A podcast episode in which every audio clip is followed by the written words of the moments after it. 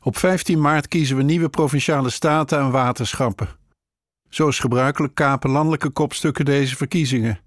Ze hebben zich afhankelijker gemaakt dan ooit van de provincies en vrezen voor de gevolgen. Ik ben Mark Chavan, politiek correspondent voor De Correspondent.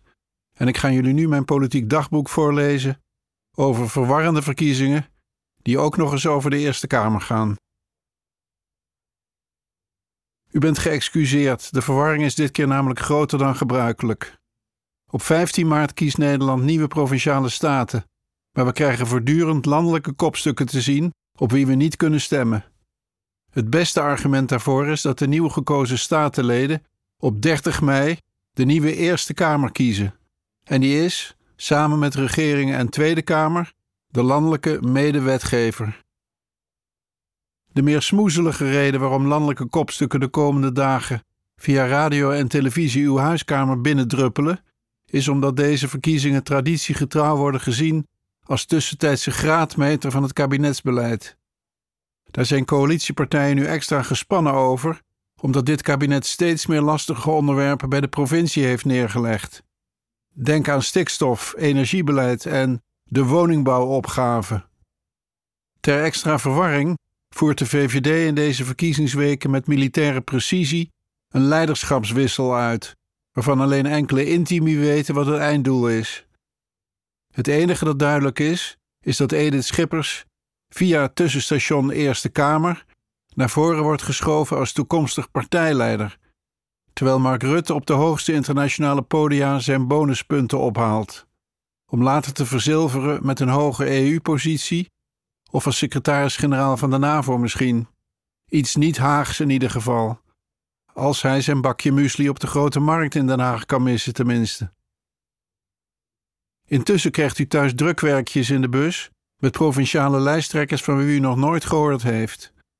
De landelijke figuren die uw stem vragen, komen er in twee soorten: zogenaamde lijsttrekkers voor hun partij in de Eerste Kamer en landelijke partijleiders die de Eerste Kamer helemaal niet in willen, laat staan de provinciale staten. Die verlandelijking van de provinciale statenverkiezingen voltrekt zich steeds schaamtelozer. Een veelgehoord argument is: dat moet wel omdat de Eerste Kamer steeds politieker is geworden. Ja, gemaakt door diezelfde landelijke politici.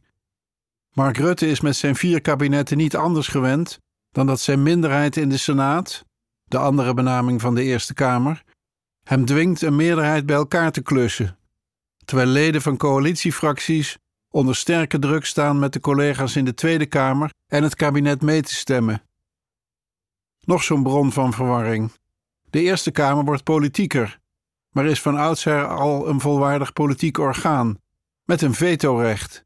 Zij kan wetten niet aanpassen, maar wel in hun geheel tegenhouden. In de praktijk maakt de Senaat daar terughoudend gebruik van, omdat zij niet direct door de kiezers is gekozen en dus, zoals dat heet, een zwakkere band met de kiezer heeft. Hoe nauwer de Eerste Kamer de Tweede volgt in stemgedrag, hoe overbodiger de Eerste wordt, want daardoor komen de meeste genoemde functies in de knel. De Senaat moet wetten vooral toetsen op uitvoerbaarheid en deugdelijke en duidelijke wetgeving. Daarvoor blijft weinig ruimte als de uitkomst van debatten door de Tweede Kamer wordt gedicteerd.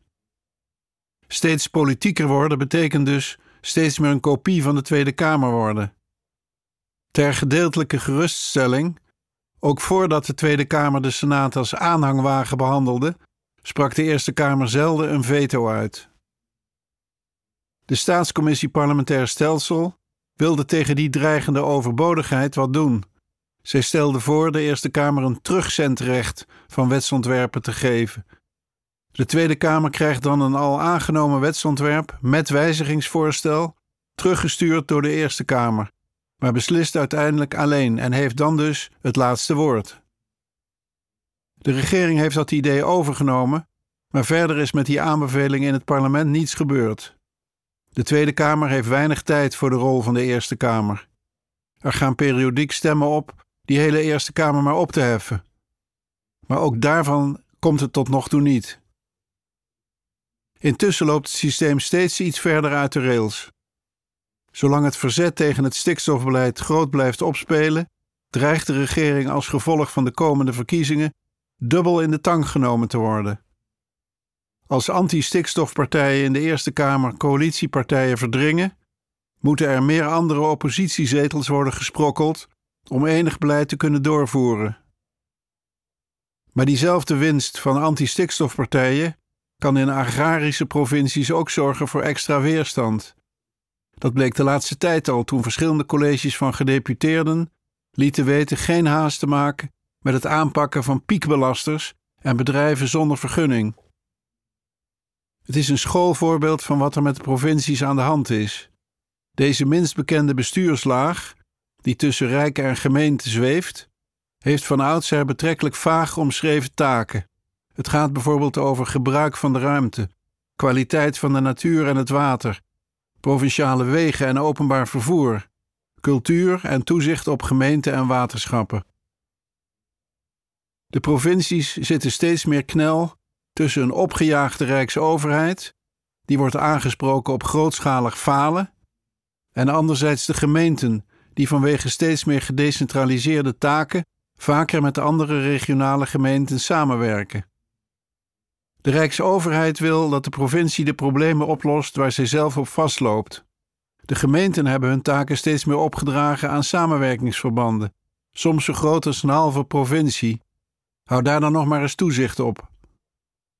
Een rol vinden tussen al die blijvende en tijdelijke krachten valt veel provincies dan ook zwaar, ondanks de imposante gebouwen en uit het bedrijfsleven gekopieerde ambtelijke concernstructuur met vele honderden ambtenaren en directeuren. Groningen stond bijvoorbeeld de maandag na de presentatie van het rapport van de enquêtecommissie gaswinning wel met eisen op de stoep in Den Haag. Maar al die jaren dat de eigen bewoners onder de grond werden leeggetrokken, stond de provincie erbij en werd ze amper gehoord. Is ze nou vertegenwoordiger van het Rijk of van de bevolking? Terwijl de verdeling van taken tussen de provincie en de andere bestuurslagen vooral op samenwerking is gebaseerd, wordt in de huidige bestuurlijke drukte meer dan eens over doorzettingsmacht gedroomd. Die gebruikte het vorige college van gedeputeerden van Utrecht bijvoorbeeld door een omstreden rondweg dwars door het bos bij Dierenpark Amersfoort jarenlang door te drukken. Pas nadat de lokale VVD, de lokale drijver van het rondwegplan, bij de raadsverkiezingen onderuit ging, sneuvelde de omstreden westelijke ontsluiting. Die was al achterhaald trouwens door nieuwere verkeersprognoses. Het huidige Groene College van Gedeputeerde Staten in Utrecht verzet zich ook betrekkelijk timide tegen de nog steeds door het ministerie van Infrastructuur en Waterstaat, solide in VVD-handen, gewenste verbreding van de A27 en A12 bij de Utrechtse buitenplaats Amelisweert. De provincie presenteerde een alternatief plan met de schuchtere aantekening dat het nog wel doorgerekend moest worden. Terwijl het om een voor Utrecht en haar inwoners vitaal project gaat, waar het oude autodenken recht tegenover een groene omslag staat. Van 10 naar 14 rijbanen is geen kleinigheid in een natuurgebied. Evenveel moeite hebben provincies met de komst van megadatacenters in Flevoland en Noord-Holland. Bij Zeewolde werd vorig jaar het tij gekeerd door de publieke opinie en de minister die over de Rijksgrond gaat. In de kop van Noord-Holland wordt lustig doorgebouwd, zonder vergunningen. Ook die provincie Noord-Holland moet een nieuwe rol vinden die niet alleen bedrijvigheid dient. Zie ook onder IJmuiden en Tata Steel.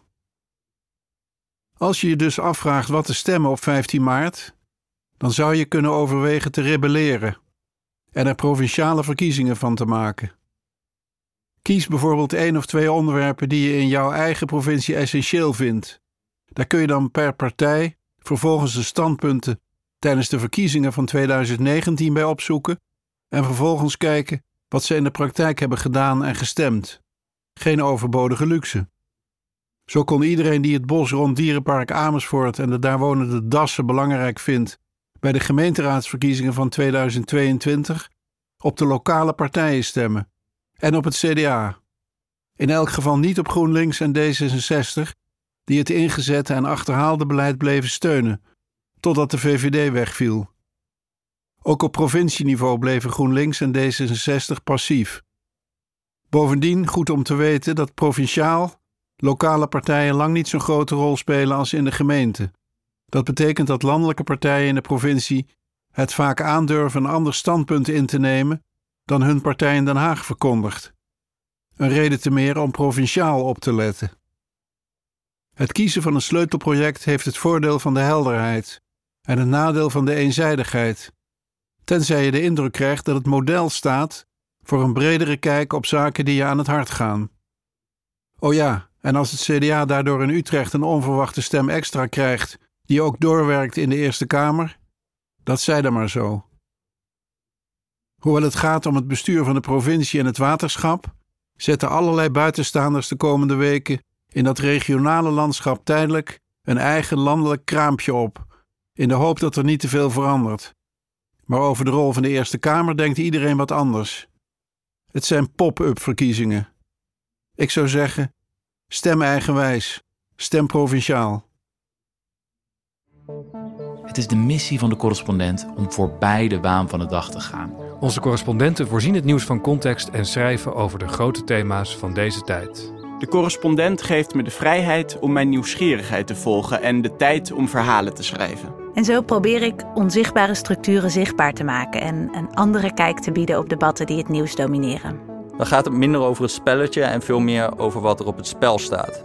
Vanaf dag 1 zijn onze artikelen, boeken en podcasts gefinancierd door onze leden. Volg ons op onze journalistieke zoektocht. Overweeg eens lid te worden van de correspondent. En maak daarmee samen met ruim 70.000 anderen onze onafhankelijke journalistiek mogelijk. Dus word lid van de correspondent. Ja. Word lid. Word lid.